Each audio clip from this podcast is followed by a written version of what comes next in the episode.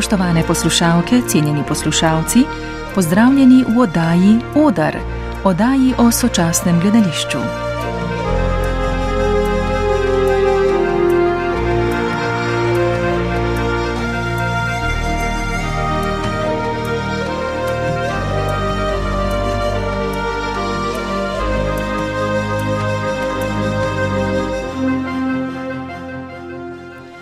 Petro Pogorjevc poznamo predvsem kot dramaturginjo v mestnem gledališču Ljubljanskem ter urednico knjižne zbirke Knjižnica MGL. V tokratni oddaji pa jo bomo še malce pobliže spoznali kot pisateljico in avtorico dveh biografskih romanov.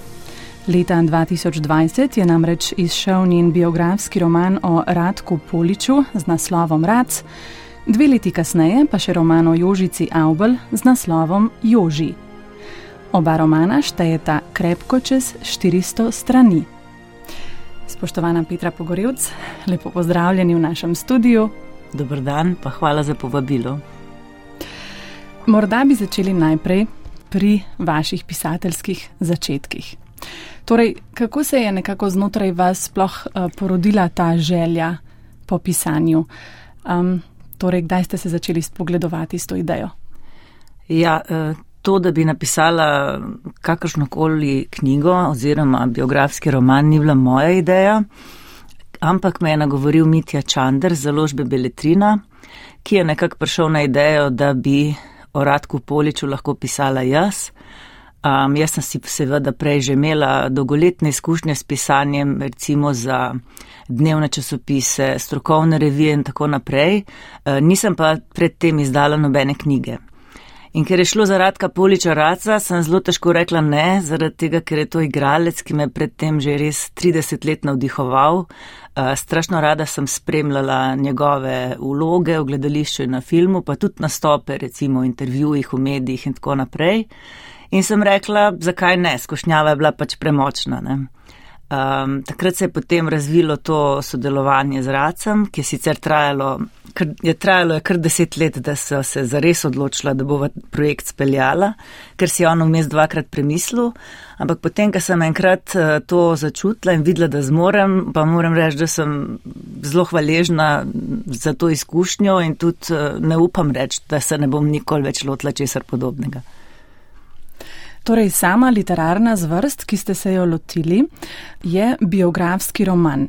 Kako nekako sicer eh, gledate na to zvrst? Koliko ste jo poznali prej, kako na njo gledate sedaj?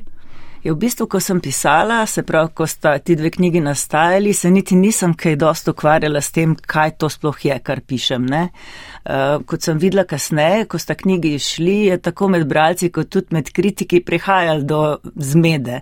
Zato, ker, v bistvu, ker sta to v bistvu knjigi, ki sta napisani kot autobiografiji, čeprav sta pravzaprav biografiji, ker se pač oseba, ki pripoveduje in oseba, ki piše, ne skladata. Kot me je nedavno uh, poučila moja sošolka z primerjalne književnosti, sicer pa velika avtoriteta z tega področja Vanessa Matajc, uh, za tak tip pisanja celo obstaja izraz, ki se v tujini uporablja in to je heterobiografija. Jaz moram reči, da sem ga takrat slišala prvič. Mi je pa marsikaj pojasnil, sem šla potem pač te stvari prebirati in sem videla, da se dejansko sklada s tem, kar sem počela. Zdaj ta oznaka roman je pa prisotna zato, ker dejansko nismo vedeli, kako poimenovati to, da je v obeh knjigah toliko poustvarjenega, eh, da v bistvu obstaja veliko delov, ki ne ustrezajo nekim faktografskim dejstvom in resnicam, ampak so pravzaprav zapisani kot da so se zgodili.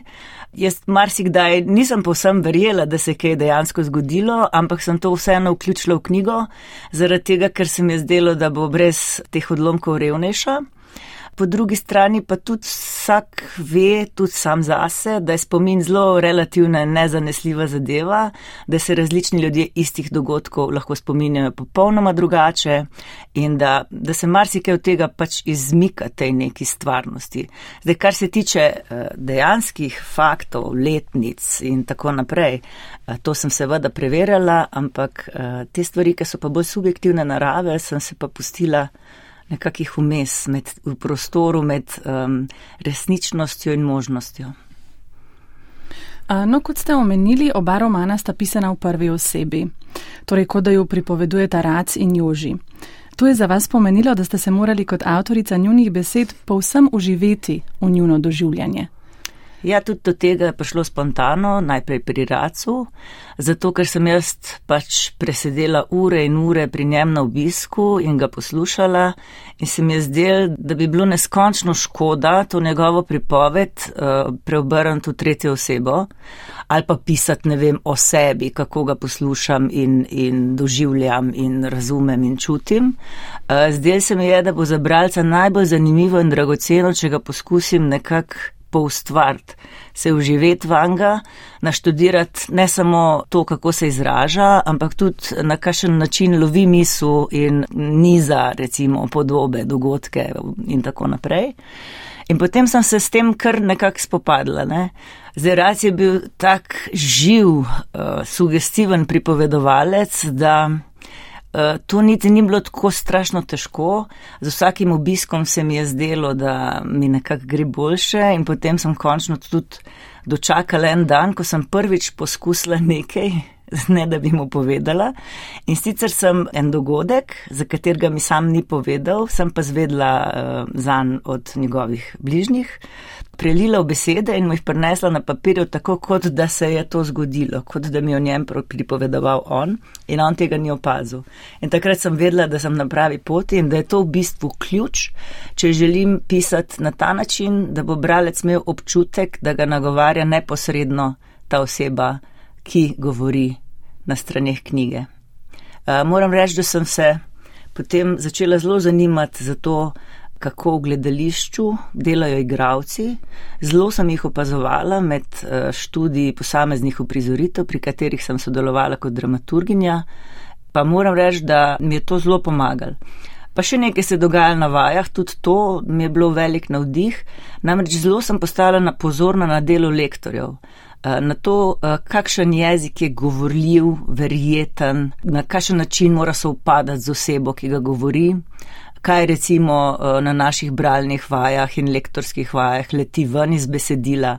In sem se poskušala pač eh, po vsem tem ravnati. Se pravi, da bi ustvarila čim bolj živega, verjetnega eh, in tudi osnovnemu modelu zvestega pripovedovalca. Torej, pravzaprav prav vaše delo v gledališču odločilno prispevalo k temu romanu, k obem romanom. Ja, jaz moram reči, da si težko predstavljam, da bi kdorkoli od njih, se pravi, ne Irac, ne Joži, jaz mislim, da bi težko delala. Uh, jaz mislim, da bi oba težko delala s kom, ki ne pozna načina dela v gledališču, tega pač res zelo posebnega življenja, ko si z eno nogo vse čas v vlogi in z drugo ti sam. Um, mislim, tukaj je toliko enih uh, posebnih situacij, Uh, to je en poseben način življenja, ki zahteva posebne vrste odrekanja, pa tudi ne na zadnje um, igravc, igravca, kakršna sta ona dva, uh, tolikšen del svojega življenja preživita v koži drugih. Uh, da um, je skoraj nujno, da tisti, ki knjigo piše, poznati druge. Ne?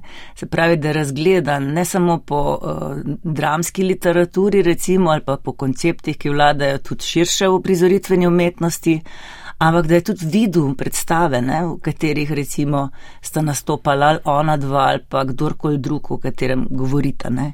Tako da to je bilo skoraj nujno. Ne. To je ta ena plat, ti moraš kot nekdo, ki piše o osebi, ki je celo življenje delovala v gledališču in na filmu, vedeti, kaj je ustvarila ne? in s kom je ustvarjala, kakšne, kakšne so bile okoliščine in kakšni rezultati. Po drugi strani se pa po mojem dejansko moraš poglobiti tudi v strukturo tega poklica igralskega. Ne? Ti moraš približno imeti predstavo vsaj o tem, eh, na kakšen način eh, en igralec ali pa igralka iz zapisanega lika ustvarta neko polnokrvno osebo iz mesa in krvi, ki stoji na odru. In učinkuje na gledalca v dvorani na ta način, da je ta sposoben se ne samo zasmejati, ampak tudi zajokati. Kako pa je potekal sam proces ustvarjanja obeh romanov? Torej, nekako od začetka do konca, če nam lahko malce osvetlite, kako je delo na romanu pravzaprav potekalo? A omenili ste že, da ste um, obiskovali Radka Poliča? Ja, z Racom sva se dobivala v glavnem pri njem doma, z Jožico pa najprej v njeni gledališki garderobi, kasneje, ko se je upokojila pa v moji pisarni, včasih tudi v kakšnem lokalu. Ja, če zdaj strnem, povzamem, mal poenostavim, na začetku gre zmeraj za to, da se tako do nezavesti dobivaš človekom, ga poslušaš, snemaš to, kar pripoveduje, si to izpisuješ doma v pač neko datoteko, ki jo odpreš posebej za ta namen. Sporedno seveda raziskuješ eh, marsikaj, kar je v tej knjigi, Eh, sem odkrila sama, recimo vem, v strokovni literaturi, v kritikah predstav, v intervjujih, eh, ki sta jih recimo dala ali včeraj ali pa leta nazaj, eh, v drugih knjigah, ki obstajajo in katerih tudi nastopata. Uh, in to spet beležiš, ne? spet, spet kopičiš. V, prvem, v tej prvi fazi si en tak hrček, ki zbira zgodbe. Ne? Potem se premakneš naprej, začneš ti zgodbe mal kupčkati, začneš iz uh, vsega, kar si izbral, nekako oblikovati neka možna poglavja. Uh, se pač seveda o tem spet pogovarjaš na teh srečanjih, šele kasneje se v bistvu spopadeš zares tudi s slogom, z vsem tem, kar smo prej govorili, ne, poskušaš pač povedati te stvari tako, kot bi jih povedal uh, ta človek in ne tako, kot bi jih ti. In uh, potem pride ta faza, ki po poglavju zares začnejo dobivati neko svojo končno podobo. In vsaj pri meni je tako, da jih res neštetokrat preberem za sabo, ne samo potihem, ampak tudi na glas, zato da slišim a je jezik eh, pravi, a teče. Um, zelo pomembno mi je, da se knjiga bere. Uh, to mi je bilo zmeraj strašno važno tudi kot bralki in ne bi želela sama od sebe dati nekaj, kar, uh, kar pri čemer bi se ljudem zatikalo in tako.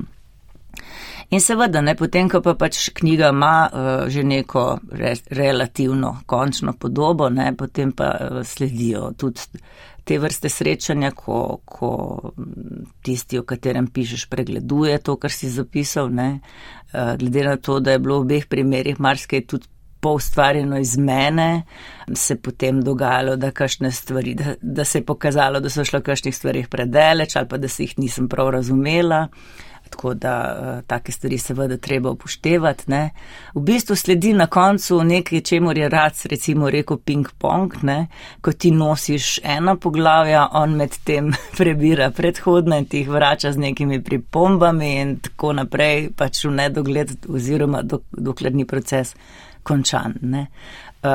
Moram reči, da rad recimo ni želel, da bi to, kar sem napisala oziroma sva skupaj uh, napisala, da bi to prebiral ali pa preverjal še kdo od njegovih bližnjih, Jožica je pa dovolila, ne? tako da naj uh, prvi brale z njene strani je bil Lado Kralj kar je zame pomenilo kar precejšno tremo, ker je bil moj profesor na uh, primerjalni književnosti in sem se vsakič strašno tresla, kaj bo rekel.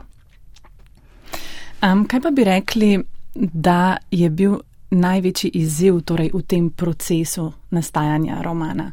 Bolj začetni del, ko ste morali to ogromno količino gradiva sploh nekako ane pokupčkati, um, ali potem te končni pregledi.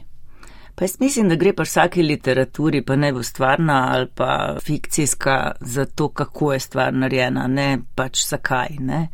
Meni je bilo vedno največji izziv uh, pač res ujet človeka, se vživeti van, ga uspet poustvariti.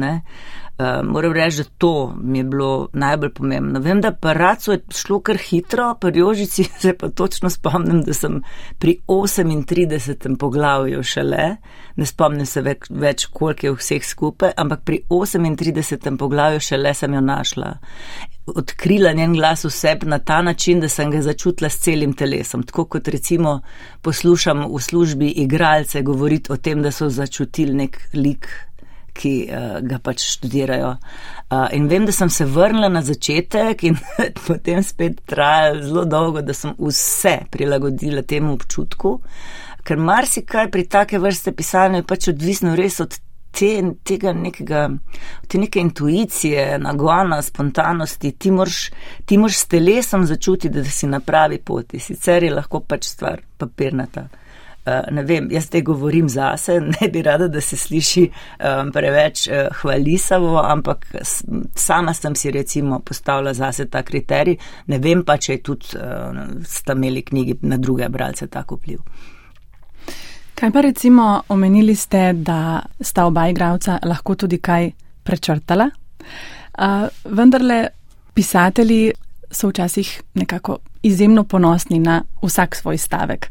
Kako ste doživeli to, ko Nekaj, kar ste ustvarili, sta potem, naprimer, one dva želela ščrtati. Ja, got, nisem gotov, ne, ni mi bilo zmerom lahko. Hvala, ker ste to vprašali, ker v bistvu me še nihče ni nač ta zga vprašal, pa je to bil dejansko kar sestavljen del tega, tega uh, mojega dela oziroma obeh procesov nastajanja knjige.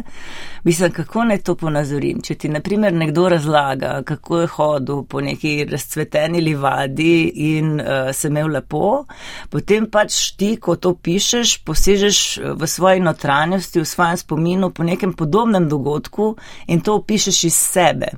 Zdaj, sploh v zgodnejših fazah knjige lahko to potem preveč podobno tebi in premalo njemu in seveda se potem um, um, moraš podrediti, zato ker knjiga konec koncev ni o tebi, ampak o njem in ti si tam zato, da pač eh, skozi sebe čim bolje zadaneš pač njega. Ne?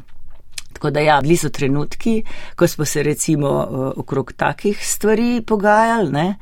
In bel, isto velja tudi, ne vem, za doživljanje vlog, naprimer, ne? Zdaj s tem nimam nekih takih izkušenj, ampak vem, kaj recimo, kakšne izzive določeno vloga pred igravca postavi in včasih tudi recimo sem potem predpostavljala mogoče preveč v eno smer. Ampak eh, praviloma so se, eh, kadar je koga od njih kaj takega zmotilo, smo se praviloma potem pogovarjali še naprej in v bistvu sama precizirala, eh, kaj je točno tisto, kar ni čist prav in kako bi bilo treba. Ne.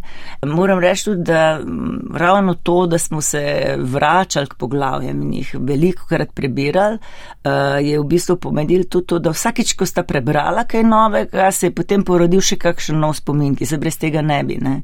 Eh, zelo zanimivo mi je bilo opazovati kako se človek spominja svoje preteklosti, ne. katerih stvari se spomni, katere so mu nekako šle iz spomina, pa jih recimo neki prizove, kaj je tisto, kar jih prizove in tako. Zanimivi pa so tudi naslovi poglavi, ki nekako utelešajo bistvo tega, kar je povedano v vsakem poglavju.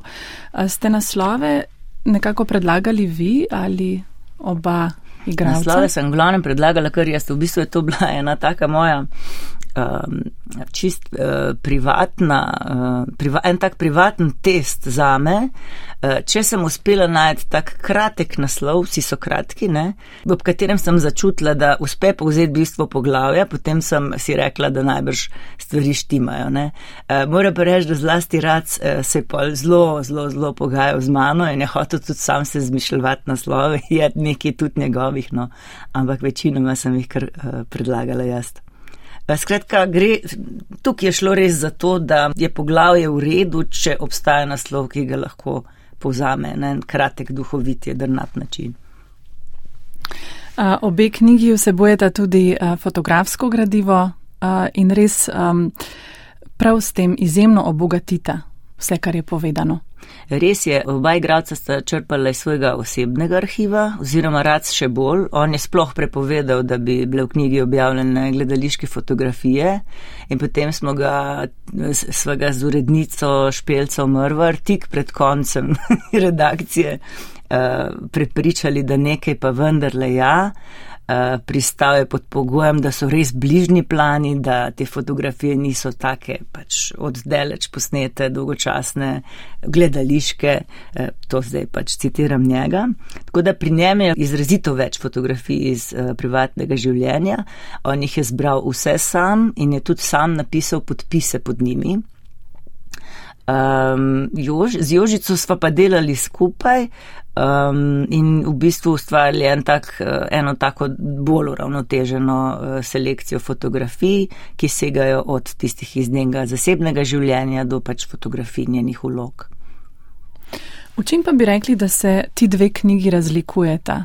Morda, če je katera bolj osebna, manj osebna, se bolj nekako posveča zasebnemu življenju ali pa bolj tem, um, ja. gledališko s tem morda. V bistvu jaz sem v obeh primerih zelo sledila temu, pač kakšna sta oziroma kako sem jo jaz doživljala. Uh, moram reči, da sem se zracem strašno kregala o tem, on sploh ni hotel, da bi pisal karkoli o gledališču oziroma sploh o delu. On je dolgo želel, da bi, da bi uh, knjiga govorila samo o njegovem zasebnem življenju, ampak seveda sem ga s časoma na srečo uspela prepričati, da, da je njegovo življenje vendarle do te mere povezano z njegovim delom, da je boje praktično neločljivo. Moram reči, da sem takrat dobila res lep kompliment, ko je rekel, ok, pa naj ti bo, ampak veš, samo zaradi tega, ker pač ne pišeš o gledališču, samo zato, da pišeš o njem, ampak znaš to umestiti v čas in prostor in povedati, zakaj smo v, v nekem trenutku delali neko točno določeno stvar. Pri Jožici je bilo pa tako, da si je pa uh, manj želela govoriti o svoji zasebnosti in se meni to zdelo pač popolnoma legitimno, sploh ker je imela uh, na lagerju uh, tolk uh, izjemnih vrhunskih vlog. Uh, bilo mi je lažje tudi zaradi tega, ker smo delali pač v istem gledališču, ker jaz poznam to zaodrje, o katerem ona pripoveduje in ljudi, uh, vsaj mnoge od njih, ne, tiste, ki sem jih v svojem času že doživela, druge pa samo recimo po pripovedovanju. Uh, štirkrat sem tudi delala z njo na predstavi, tako da sem imela možnost opazovati med študijem vloge, tako da sem imela o tem bolj zanesljivo ali pa na nazorno predstavo.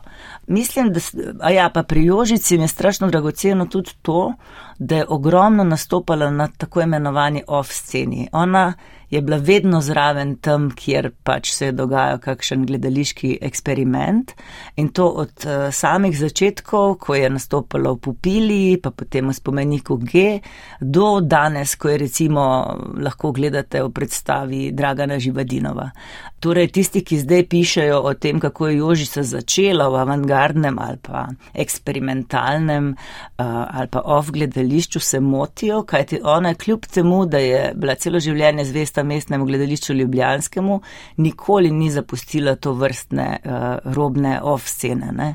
Uh, do današnjih dni je ona sodelovala in sodeluje z mladimi režiserji in režiserkami, ki pač preverjajo meje možnega, dovoljenega in tako naprej. No, v tem oziru bi res lahko rekli, da sta knjigi kot nek dokument razvoja slovenskega gledališča. Ja, meni je bilo to, moram reči, tudi v izziv. Ne?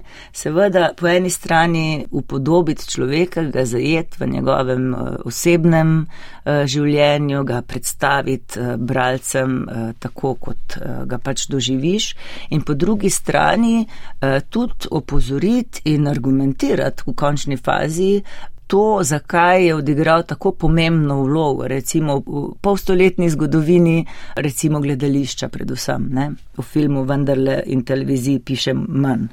Zdaj se mi je, da je pomembno, da nekaj takega ostane pač um, za slovensko gledališko zgodovino ker pač vidim, kako je gledališče res, kot tudi ona dva govorita, minljiva uh, umetnost. Uh, vsak trenutek, ki se zgodi v gledališču, uh, je na tem, da se ne vrne nikoli več. Ne?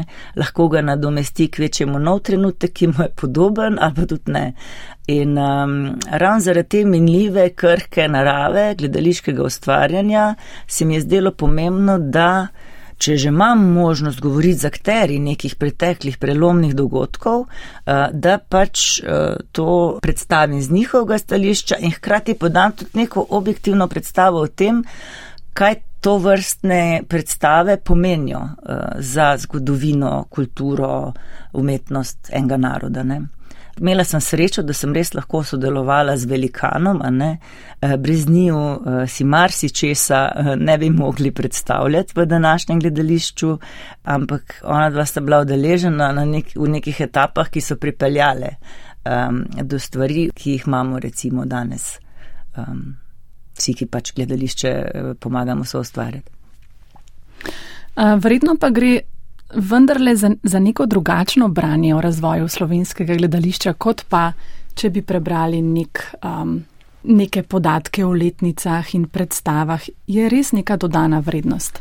Ja, jaz upam, da je. Ne. Jaz sem recimo sicer strastna bralka strokovne literature. Ne.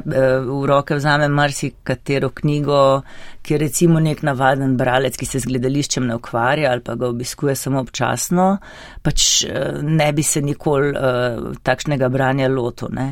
In potem se pač dogaja, da to vrstno znanje nekako je dostopno um, samo enim res ožjim krogom, specializiranim krogom uh, ljudi. Ne.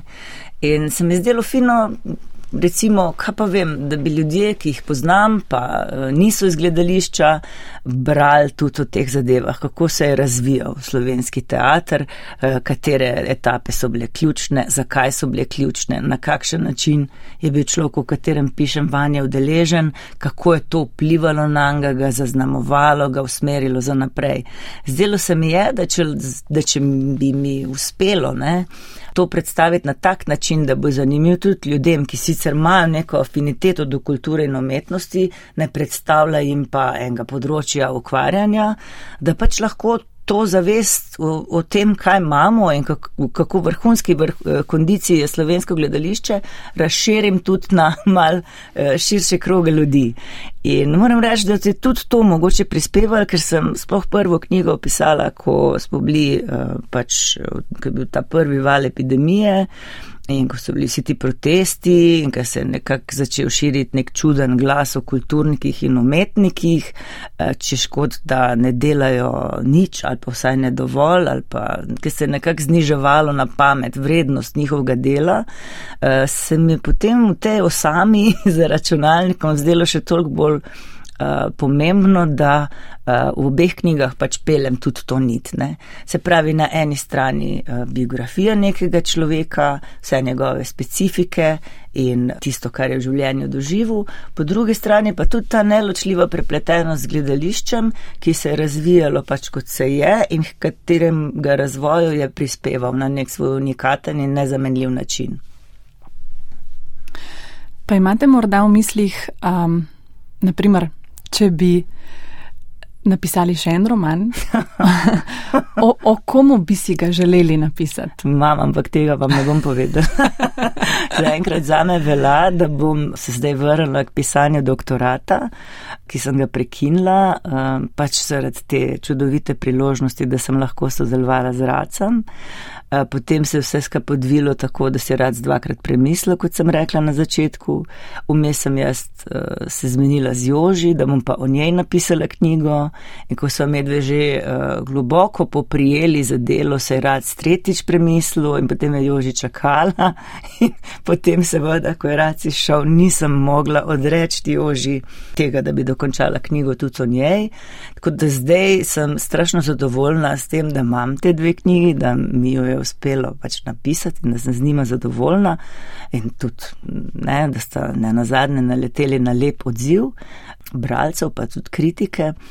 Tako da zdaj moram dokončati neke druge izzive, če bom spet kaj podobnega napisala, pa ne vem, Mam, seveda imam ideje, imam pa tudi ideje, kako pisati kaj spet drugačnega, tako da bomo videli. Eh, pri meni se stvari v življenju ponavad eh, dogajajo dost spontano, se mogoče iz tega, kar pripovedujem, to razvidno. Eh, mislim, da moram mal počakati, kaj pač mi bo življenje prineslo nasproti, kakšne izzive, pa se bom potem odločila. No, ste pa zagotovo v samem procesu pisanja pa doživeli ta pisateljski draž ali kako? Ja, na splošno me je presenetilo to, koliko sem jaz v bistvu pogrešala ne, samo pisanje. Ko sem enkrat začela pisati o racu in sem pa premislila, ne, eh, sem videla, da ne morem spustiti, da sem zdaj polna ene energije, ker pač jo je treba nekam uložiti. Ne, zato smo se tudi z Joži sploh dogovorili. Uh, jaz sem dolga leta živela v prepričanju, da me delo v gledališču strašno izpolnjuje, kar tudi me. Uh, nisem se pa zavedala, da zelo pogrešam pisanje, ki sem ga prakticirala prej, ko sem bila novinarka, pa kritičarka in tako naprej. In v bistvu sem pri s tema dvema knjigama, še posebej z Joži, kjer je več teh gledaliških delov, nekako uh, dobila uh, način, da spet pišem o gledališču. Jaz sem se temu v preteklosti odpovedala, zato ker sem po tistem, ko sem pač dobila službo v mestnem gledališču Ljubljanskem, se mi ni zdel več etično, da zdaj pišem o delu kolegov, o njem kakorkoli razsojam in tako naprej. Mm, in sem to opustila. E, tukaj imam pa, sem imela včasih občutek, da tako hodim za Jožico po, po odru, ki ga pač dobro poznam in jo spremljam med tem, ko igra neko točno določeno vlogo. In to mi je bilo res veliko veseljeno. Um, Petra Pogorevc, bližava se koncu na, najne oddaje. Uh, še to vprašanje, namreč zanima me še, kakšen je bil pa prvi odziv Raca in Joži, ko sta prijela svojo knjigo v roke? v bistvu. Rac je reagiral približno tako, kot je reagirala njegova mama, ko ga je rodila. Namreč rekel, je benti, koh je debela. Za knjigo. Nekaj podobnega je rekla njegova mama, ki se je on rodil. Skratka, eh, v, v, v bistvu v obeh primerih najprej bilo to, a tega je tok, pa kako je to mogoče. Ne? Oba sta bila zadovoljna recimo z naslovnicama, ki jih je ustvaril Luka Mancini, z izgledom knjige, s prelomom, ki je v bistvu narejen tako, da še dodatno podpira to, da uh, besedilo teče in se bere in tako. Uh, Ustrajali smo v obeh primerih pri tem, da ni zamikov, ampak razmiki, ker to tudi na nek način je bližje uh, razporeditvi besedila, kakršno je recimo v dramah. Uh, in ker se kar velik drame citira, se mi zdi, da se potem to lepše preliva, tako smo vsaj razmišljali. Kratka, bila sta oba strašno uh, vesela, ko sta, knjigo, ko sta vsak svojo knjigo videla, sta se pa oba čudila nad tem, kako obširna je. Zanimivo je, da sta pravzaprav nekako podobno dolgi, obe prek 400 strani. ja, ampak eh, je po glavi pri Jožici več in so krajša. To pa zato, ker sta pač tako različna pripovedovalca. Raco redko, katera zgodba traja manj kot dve uri. Ne? Jožica je pa bolj človek, ki tako divja z teme na temo in te včasih posti z nekim vtisom, ki ga potem šele uh, dodatno razvijaš. Skratka, um, to, kako so organizirana poglavja in koliko jih je, se mi zdi, da ju ločuje. Pri Ratu so res poglavja daljša in v glavnem sfokusirana na en dogodek, pri Jožici se pa tudi znotraj teh krajših poglavij ponavadi prepleta več tem ali pa dogodkov. Zagotovo res um, zanimivo branje. Uh, branje, ki te kar potegne vase. Ja, se upam. Hvala. to je bila moja izkušnja. Hvala. Petra Pogorevc, lepa hvala za vaš obisk v studiu. Hvala vam za vabilo. Želimo vam še veliko ustvarjalnega pisateljskega zagona.